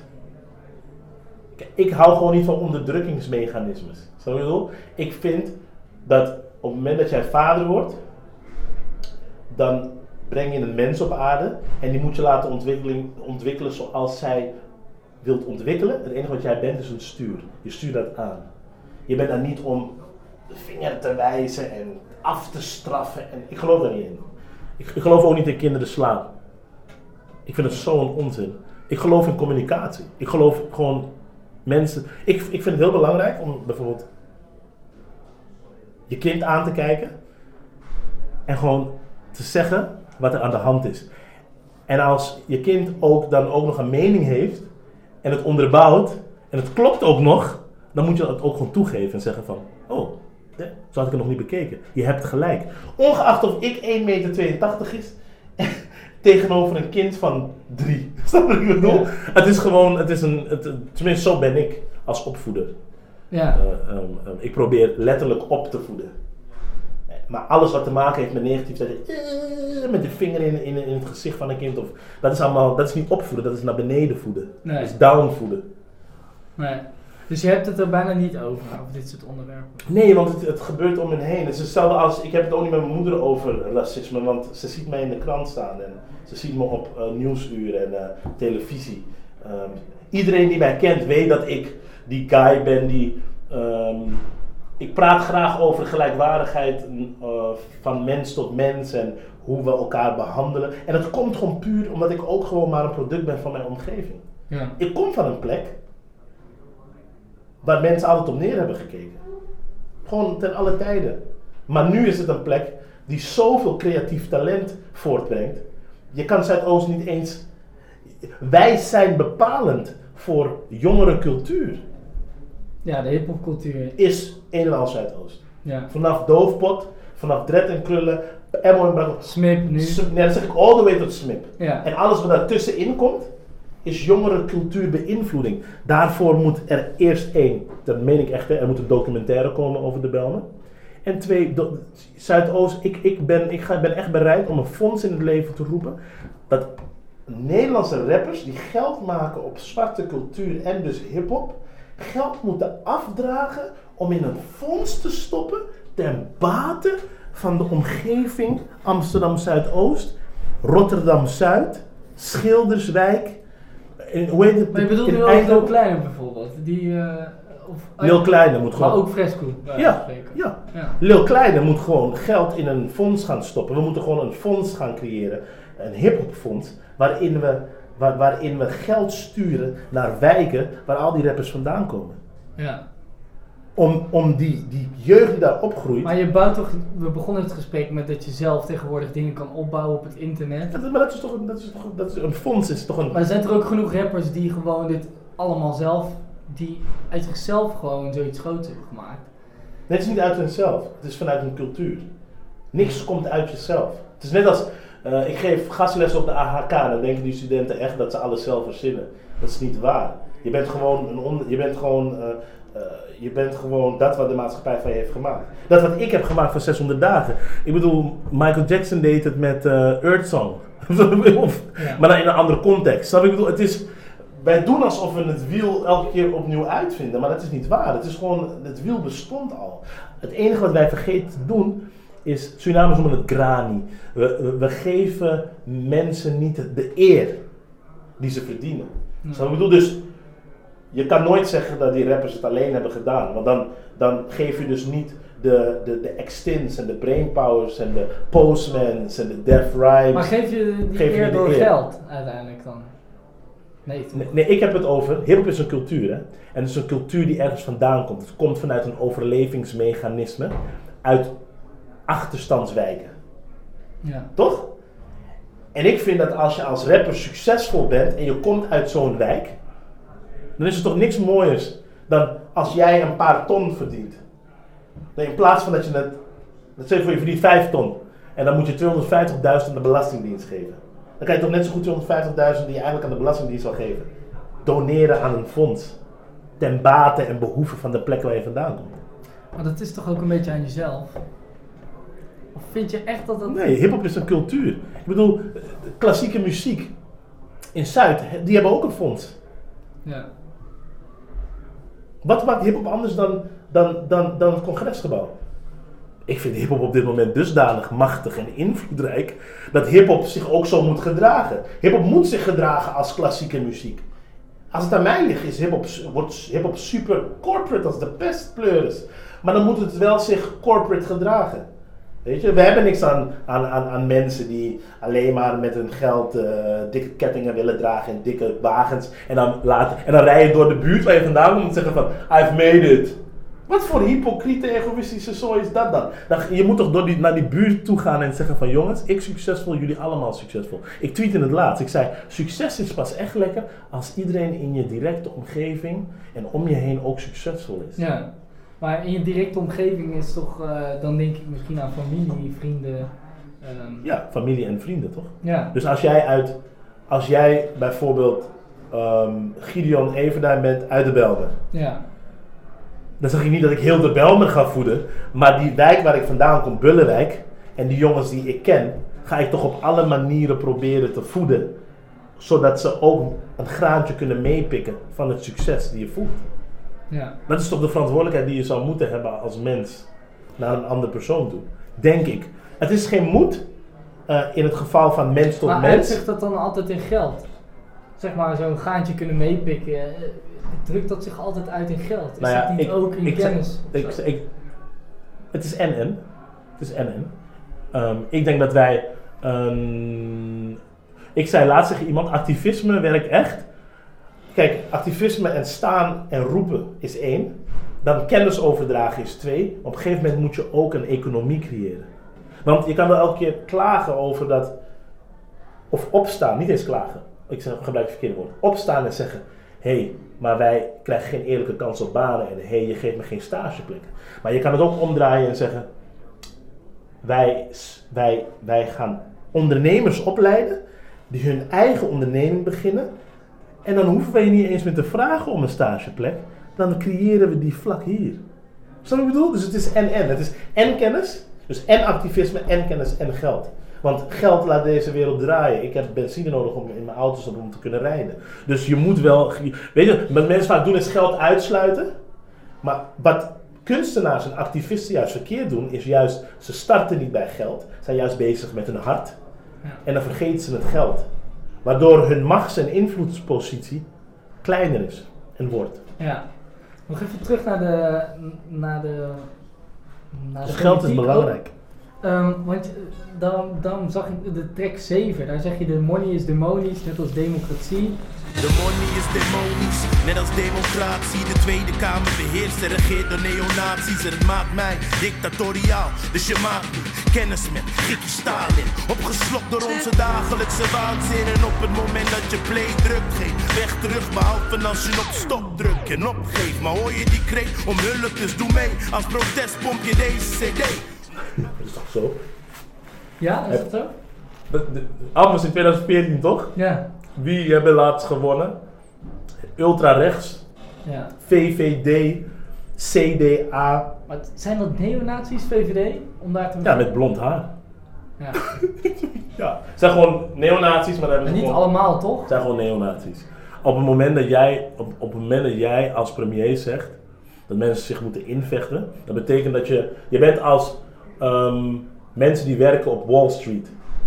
Mensen, ik heb laatst een documentaire gezien, toen zei die man, mensen die werken op Wall Street zijn robots en mogen geen empathie hebben. Dat betekent, als je empathie hebt op Wall Street, kan je nooit een goede broker zijn. Je kan nooit goed aandelen verkopen, omdat je dan bezig bent met de mensen die je benadeelt aan de andere kant.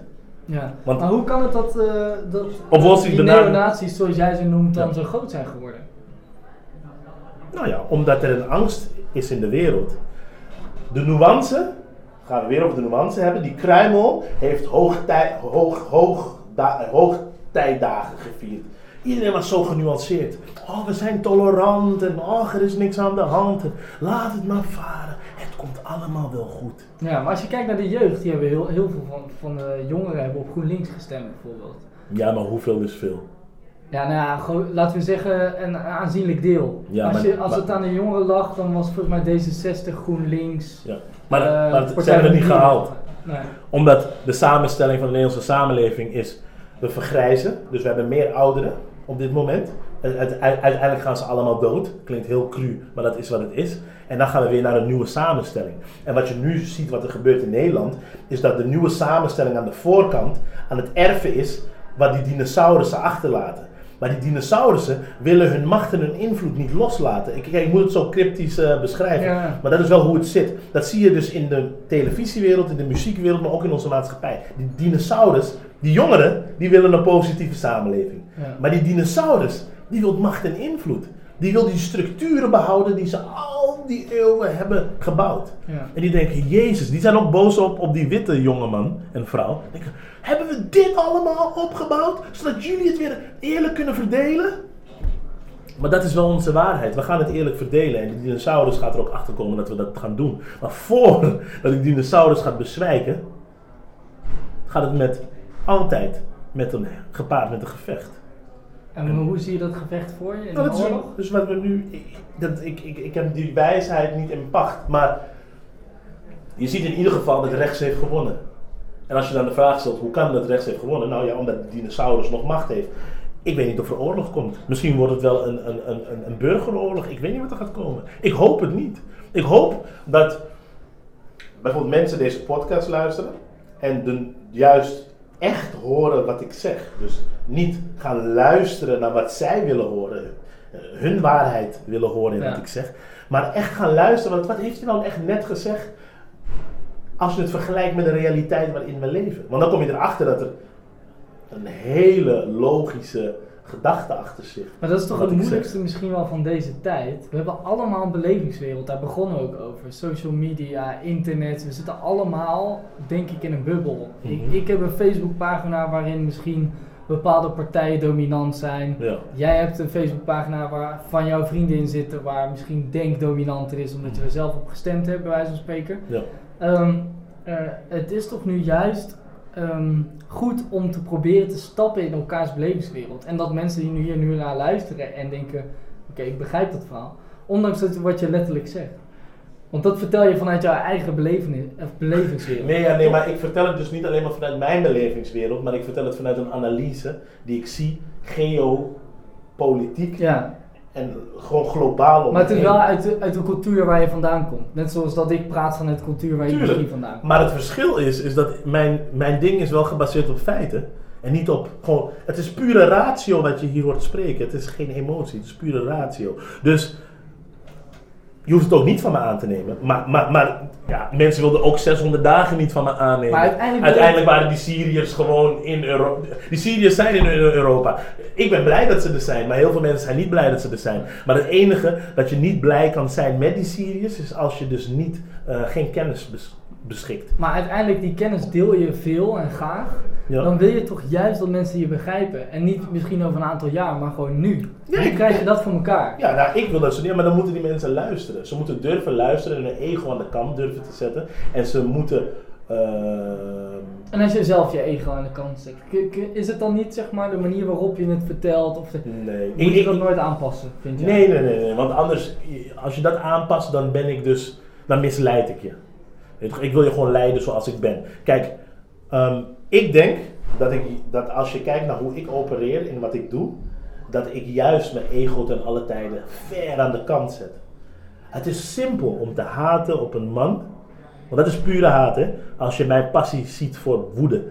Ehm, als je die, die, die, die, die passie wilt rangschikken in iets negatiefs, dan zegt het meer over jou dan over mij. En ik heb, ik heb het niet over jou, maar over de mensen aan zich. Omdat een egoïstisch persoon zal nooit de, de route kiezen die ik bewandel. Ik kies voor de moeilijke, langzame, doch eh, eh, inspirerende route. Maar met, ik heb wel een hele lange adem. Want ik moet altijd geduldig wachten op de rest. Toen ik 600 dagen maakte en iedereen mij betitelde van ja, eh, waarom, hoezo? Was moest ik vier jaar lang geduldig wachten op het antwoord. Ja, ik wist al wat het antwoord was. Maar vier jaar bro, weet je wat het is? Ja, dat is lang. Ja, toen ik in 2009 aankaartte dat racisme een serieus probleem was in Nederland. Weet je hoe lang ik moest wachten voordat de rest van Nederland vond dat Zwarte Piet racisme was? Is daarin nu je doel al behaald of moet het verder? Nee, je moet veel verder, joh. Ik, ik, ik, word- ik krijg juist energie van. En kijk, zal ik zeggen, ik, ik voel me ook gewaardeerd in Nederland, hè? Want ik krijg echt podia waar je u tegen zegt. Ik spreek mensen. Dat, de meeste dingen zien mensen niet eens op social media, want die post ik niet eens. Maar ik spreek mensen waar je u tegen zegt. Waarvan ik nooit had gedacht dat ik zou spreken. Die, die, die mij als gelijkwaardige denker beschouwen. Gewoon die mij inzichten zien als wauw, je bent ver. Dat zegt iets over mijn ontwikkeling en ik ben daar heel erg blij om. Ik ben blij dat ik eh, in Nederland mag zijn, ik ben blij dat ik een Nederlander mag zijn en dat ik onze problematiek mag aankaarten en mag bijdragen aan oplossingen. Het verschil tussen mij en denk ik de rest is dat ik echt niet alleen maar praat, maar ook daadwerkelijk bijdrage aan oplossingen. Ja.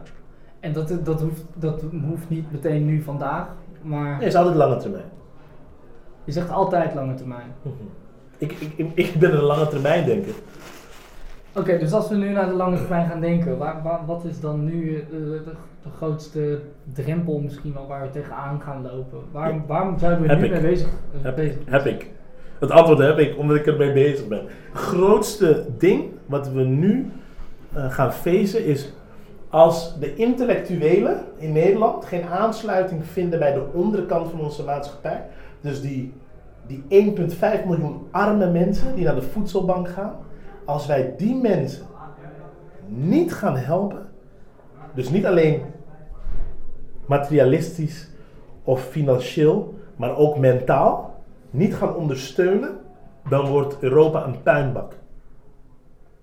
Want onze maatschappij valt en staat met die onderkant van de samenleving. Omdat al die rappers waar je over praat, die zo succesvol zijn, weet je waar ze vandaan komen? Van die onderkant. Dus dan is het echt heel belachelijk als je daar vandaan komt en dat verlogent en vergeet.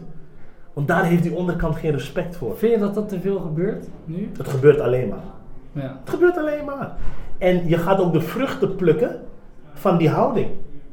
En iedereen die neerkijkt op die onderkant, gaat worden opgevreten door die onderkant. Want er is niks ergers dan mensen die overleven.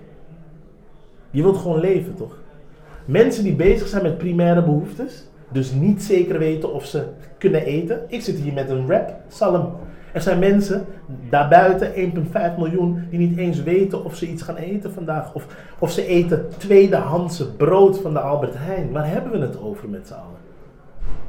Maar we zijn bezig met de wereld te redden. Ja. Vo- Voordat je de wereld redt, ga maar eerst eventjes die 1,5 miljoen mensen hier redden. Die, die, die, die, die er mentaal helemaal eraan gaan. ja. Want ik, ik wil weer terug even naar, mu- naar je muziek. Ja, ja, ja. Ehm, in de track Donkere Dagen Ja. heb je het over, ehm, over dit. Eigenlijk iets wat neerkomt over eh, Griekenland. Daar, daar- dat, dat haal je aan, het moment eh, dat, dat wij gekort worden op ons loon om Griekenland te helpen. Ben je Ja. daar tegen? Ja, toch. Omdat we zijn gekort op onze loon om Griekenland tussen aanhalingstekens te helpen. En waar is het geld nu? Maar je bent wel voor echte hulp, toch? Ja, echt hulp. Ik ben niet voor, dat zeg ik, ik ben niet, Ja, voor, het, ik ben niet voor het misleiden. Ik ben voor het lijden van mensen. En dan gaan we weer snel door naar een ander spectrum van de politiek. Ja. De track Nooit had ik ooit. We gooien alles op slot, van de straat tot de raadskamer. Gingen van haat naar plaatsmaken. Wat weet je van in een stad je eigen stad maken? Wat weet je van de mentaliteit hebben van een plakkaman die zijn slagaders word je automatisch allergisch voor falen, allergisch voor dalen, allergisch voor alles wat niet werkt, niet groeit, niet zelf draagt. En wat je hier hoort is motherfucking zelf, man. Zeg je van de straat naar de raadskamer. Ja. Ehm, eh, de, de partij Belmerstel bestaat niet meer, toch? Nee. Die je hebt opgericht. ja. Ehm, wil je nog ooit terug naar die raadskamer? Nee, nee, nee, want ik, ik ben in die raadskamer. eh, ik, ik ben daar. Het moment dat we die partij begonnen, stapten we die raadskamer in. En dan ontmoet je nieuwe mensen, want hè, je gaat in debat met mensen. En ik heb daar de afgelopen jaren zo'n groot netwerk gecreëerd. Ik kan die raadskamer gewoon binnenlopen. Het is gewoon mijn achtertuin. Het is gewoon mijn huis, die raadskamer. Ja, En ehm, dus ik zit daar gewoon nog steeds. ja. Dus, eh, ehm, dus als, en ook als ik bij die Dan heb je het weer over die invloed als activist, zeg Ja. maar, in de breedste zin Ja, en als mens. woord. Ja, en, En als als gikkels. Ja. Ja, en ik wil, ik wil nog steeds, ik kom er maar niet uit Ja. hoe we het voor elkaar gaan krijgen. Ik, ik zeg nu even we, maar Ja. hoe jij, misschien jij het voor elkaar gaat krijgen, of andere mensen die dezelfde missie hebben als jou. Ja. Meer terechtkomen in de belevingswereld van mensen, ehm, zoals nu heel veel gezegd wordt, de bezorgde of de boze burger. Nou ja, waar ik oprecht mee ga starten is dat ik gewoon met een x aantal mensen. ehm, ik wil eigenlijk een soort van 300 man hebben. Sterk, krachtige mannen, ongeacht hoe ze eruit zien. Maar wilskrachtige mannen. Met wie ik gewoon, eh, gewoon mooie bezoekjes breng als plekken als Venlo en, en, en, en, en Maastricht en eh, Gelderland. En naar die En- mensen toe gaat. ja. En gewoon lekker met ze in een sporthal zitten. Maar wel met 300 man. Van mijn mensen die op mij lijken. Gasten die op jou lijken. Weet toch gewoon mensen die als ons denken. Die wel een gesprek aandurven te gaan. Zonder enige vooroordeel. Weet je? Ik, ik ben echt, eh, echt aan het nadenken om dat te gaan realiseren. Man. Ja, en heb jij helemaal geen vooroordelen, denk je? Nee, we, we bezitten allemaal vooroordelen. Want in het track Coma zeg je dit. Ik kijk naar buiten en de volle maan is het zeker. Mijn beweegreden geen satanische, maar God gegeven. De waarheid op mijn tong nooit gespleten. Gehenna voor degene die degene hebben van een toefeestje. Ja, maar waren het me toch ja, heerlijk geschreven. En, eh, Ik was echt in een goede fight die, die avond. Maar toen waren gelijk te lachen. Ja, ja, ja, omdat, Ja. dat is echt een lijn. Ik, ik hou van zo'n lijn, omdat ehm, dat is van Coma. Ja. Dat hebben we in Polen toen geschreven met Ostre. Maar je hebt geen vooroordelen, denk je? Dus de waarheid op mijn tong nooit gespleten. Gehenna voor degene die degene hebben van een toefeestje. Dan, hebben we het weer over die, die lei- mijn, in mijn boodschap zit er altijd lijden en misleiden.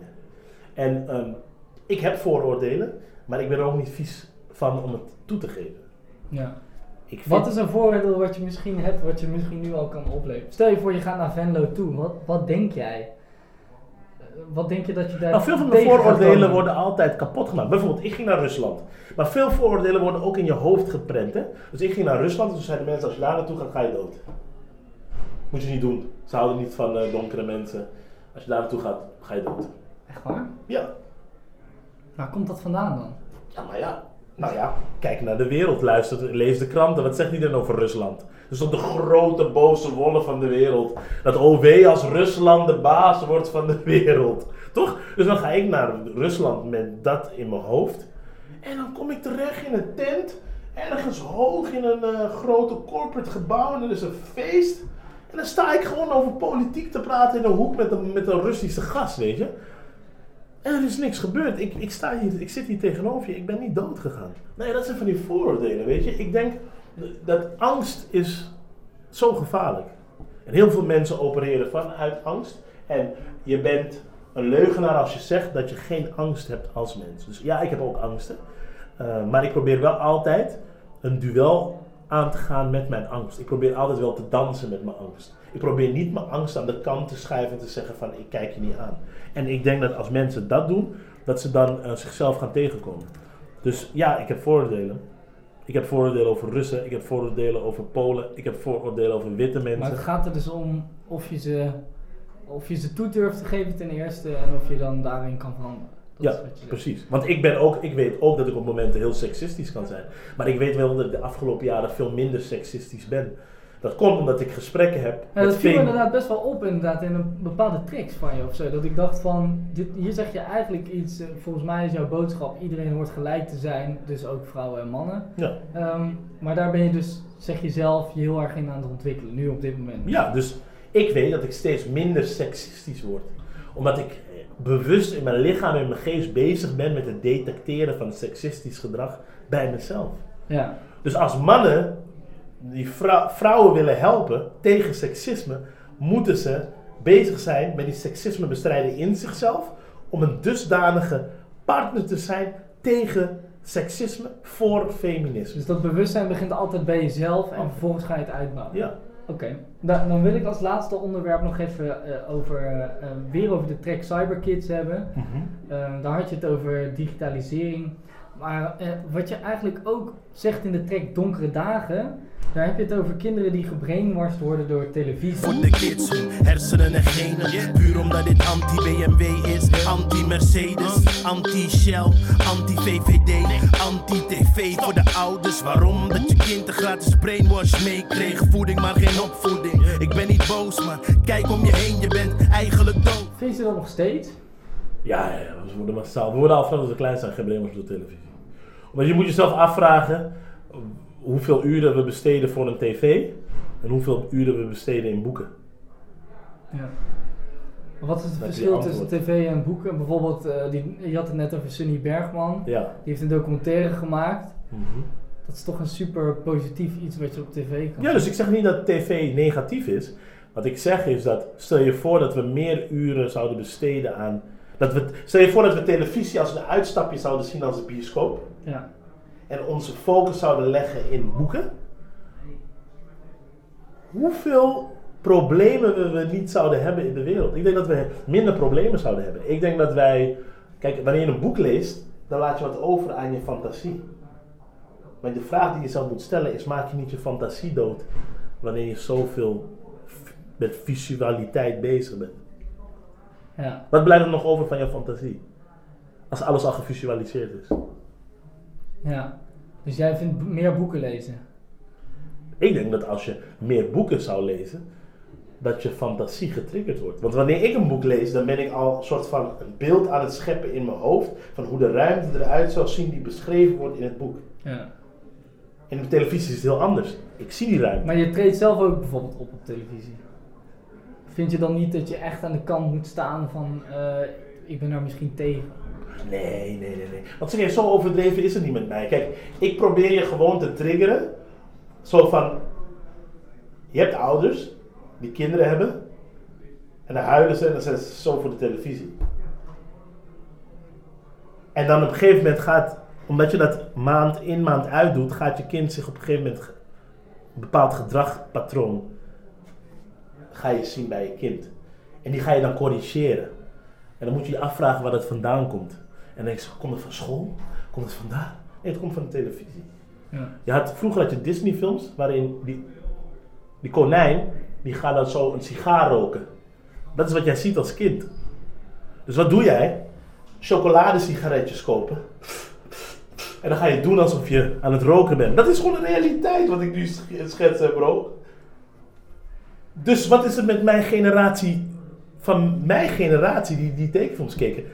Allemaal aan de blow. Allemaal als gekke jointjes roken. Ik denk dat daar een lijn, ik denk dat daar echt een duidelijke lijn in zit Ja. tussen die Maar Disney. jij hebt ook tv gekeken, je bent ook van die generatie, denk Ja. ik toch? Ja, Ehm, 100%. maar ook gelezen. Maar zo is het toch altijd, je pakt toch overal eh, dan de, de misschien de positieve dingen uit, om het zo te zeggen. Ja, ja, maar je moet niet vergeten dat de televisie ons indoctrineert. Dat is een, veel van onze beeldvorming die wij hebben, komt van tv, krant en radio. Ja. Hoe, waar komt de, de leugen vandaan dat Afro-Nederlandse mensen, mensen van Afrikaanse kom af, lui zijn? ja. Vertel mij waar dat vandaan komt. Ik denk, eh, dat, ik denk dat je dan eh, inderdaad wel bij de, de media terecht Ja, tuurlijk. Ja. Waar komt het vandaan dat Marokkanen allemaal tasjesrovers zijn? De films of zo, denk ik, dat soort dingen. Ja, Want die dus films, televisie, alles wat visueel is, kranten, et cetera.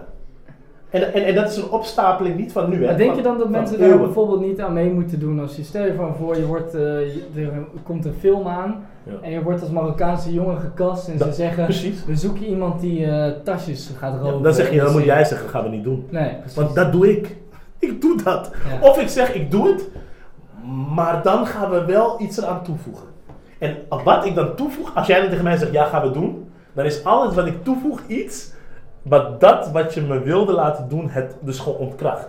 Volg je wat ik zeg? Ja, Ik ga altijd iets toevoegen. Bijvoorbeeld, ik ging laatst, eh, deed ik de Jungle Book, december. Jungle Book in de stad Schouwburg, Utrecht. De Jungle Book is een koloniaal boek.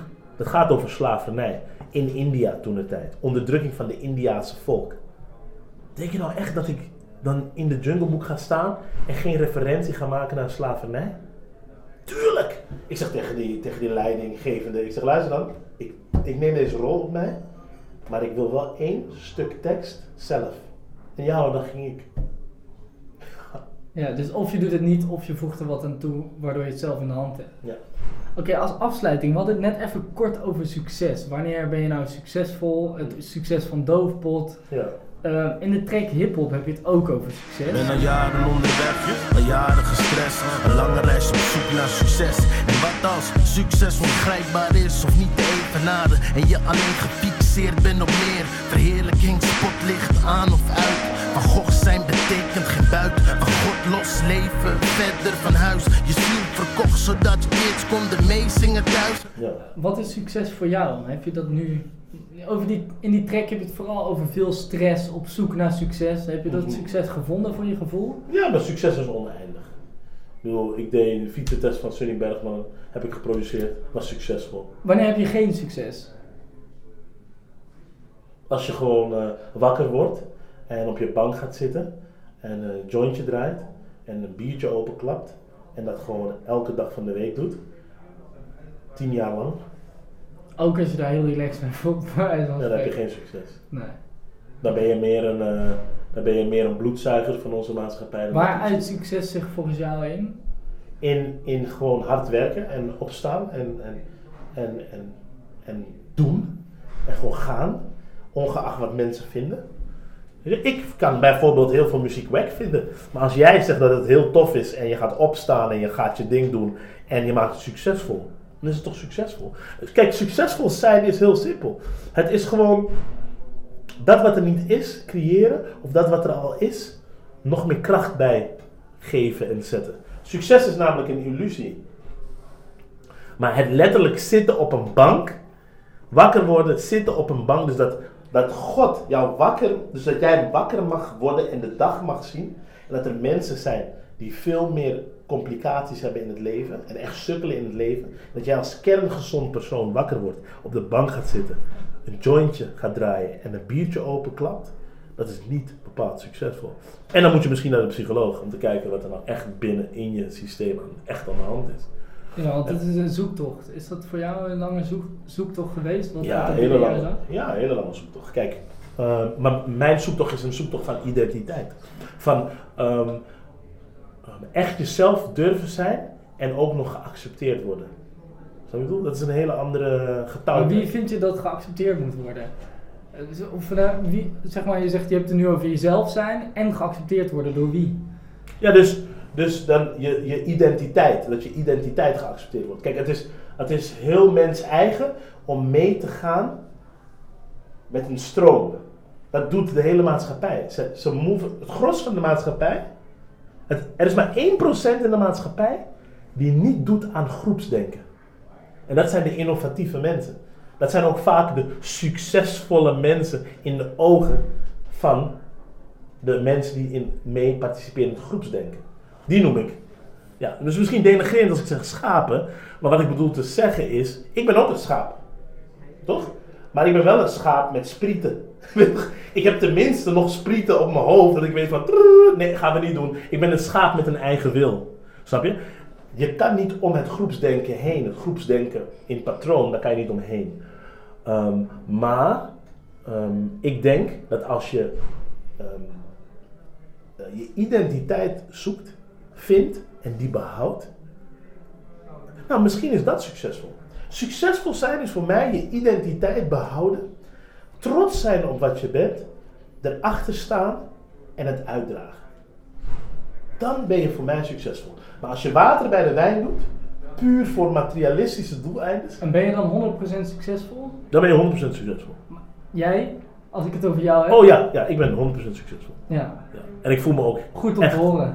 Ja, ja, ja, ja, ja. Nou Ja. ja, weet je wat het is? En het is eh, goed om te horen, zegt hij. Ja. Ja, ja, ja. Nee, maar ik voel me ook 100% succesvol. Maar, maar, maar... wat- Maar het is dus een gevoel, niet per se iets materialistisch succesvol. Nee, eh. succes is niet iets materialistisch. Ja. Kijk, en, en succesvol zit ook niet in... Je kan het niet meten.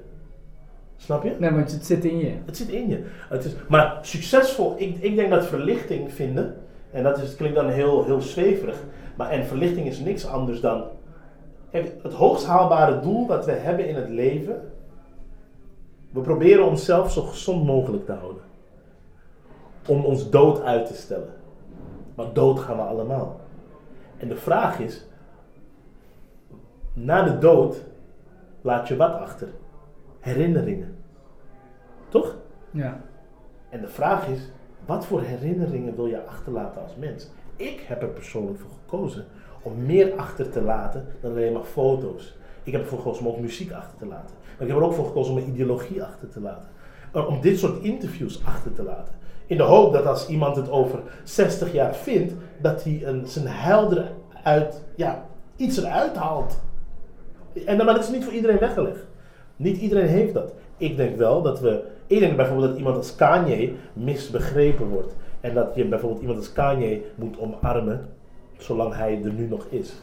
Omdat hij dropt soms zulke intellectuele dingen voor je. Maar die begrijp je pas over tien jaar. Waarom? Omdat je nog niet bent waar hij is.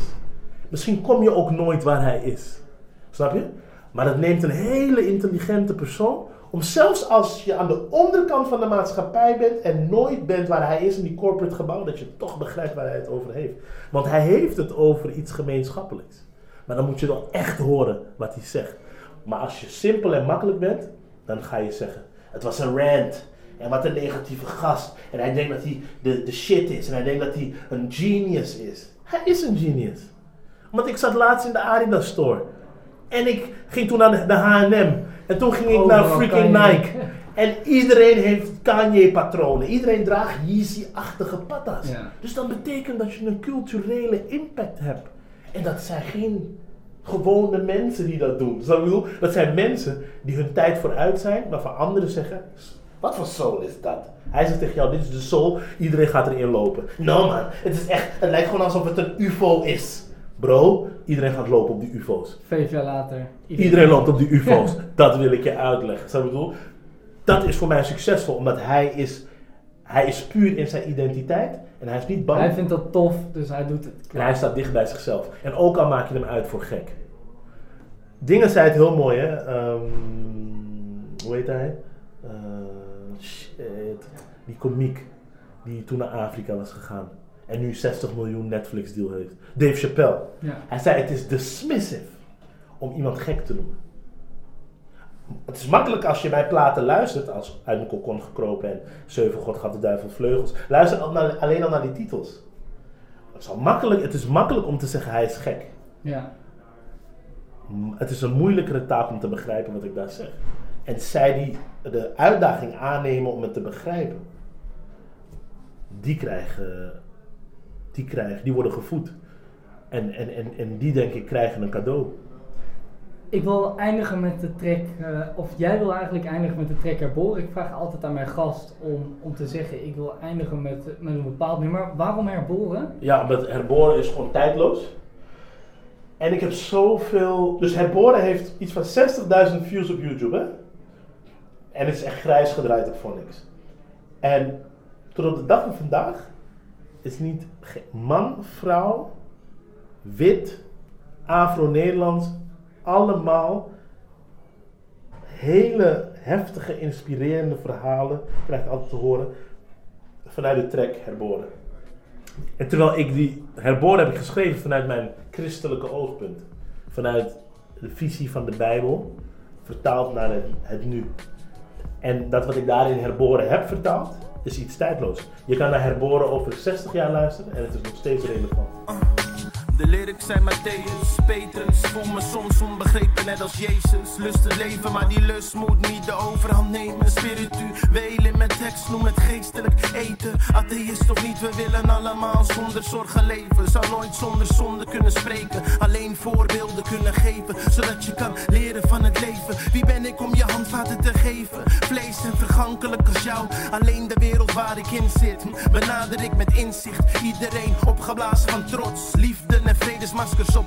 Bedrog kotsmisselijk word ik ervan. Recht voor zijn raap Daar neig ik naar. Misschien is Amsterdam Sodom En Rotterdam Gomorra Nederland Babylon en Beatrix de Toren. Mijn teksten zijn de dorens. Jij geraakt dus het bloed die de grond raakt. Gods wonder muziek en geen kleur, alleen de sleur van minder bedeelden. Ontkennen is makkelijk, maar dat doen zoveel. Net als de welvaart verdelen en van God los leven. Vol overgave bezig met mijn gave muzikale sculpturen maken. Je kan ook lachen en de daden achterwege laten. Of vol trots met je kin omhoog de finish halen. Dit is allemaal mij, tijdloos, frank en vrij. Wij paria's, ver voor de Belmeram, voor een jodenkamp. Materie heeft de overhand, wat ik breng is echt. Krijg respect van de straat tot opa's en oma's. Pervers, het is een gevecht, want mijn woorden spreken voor hen. Magisch is de hand die de pen strijkt over het klad. Ik ben herboren, herboren.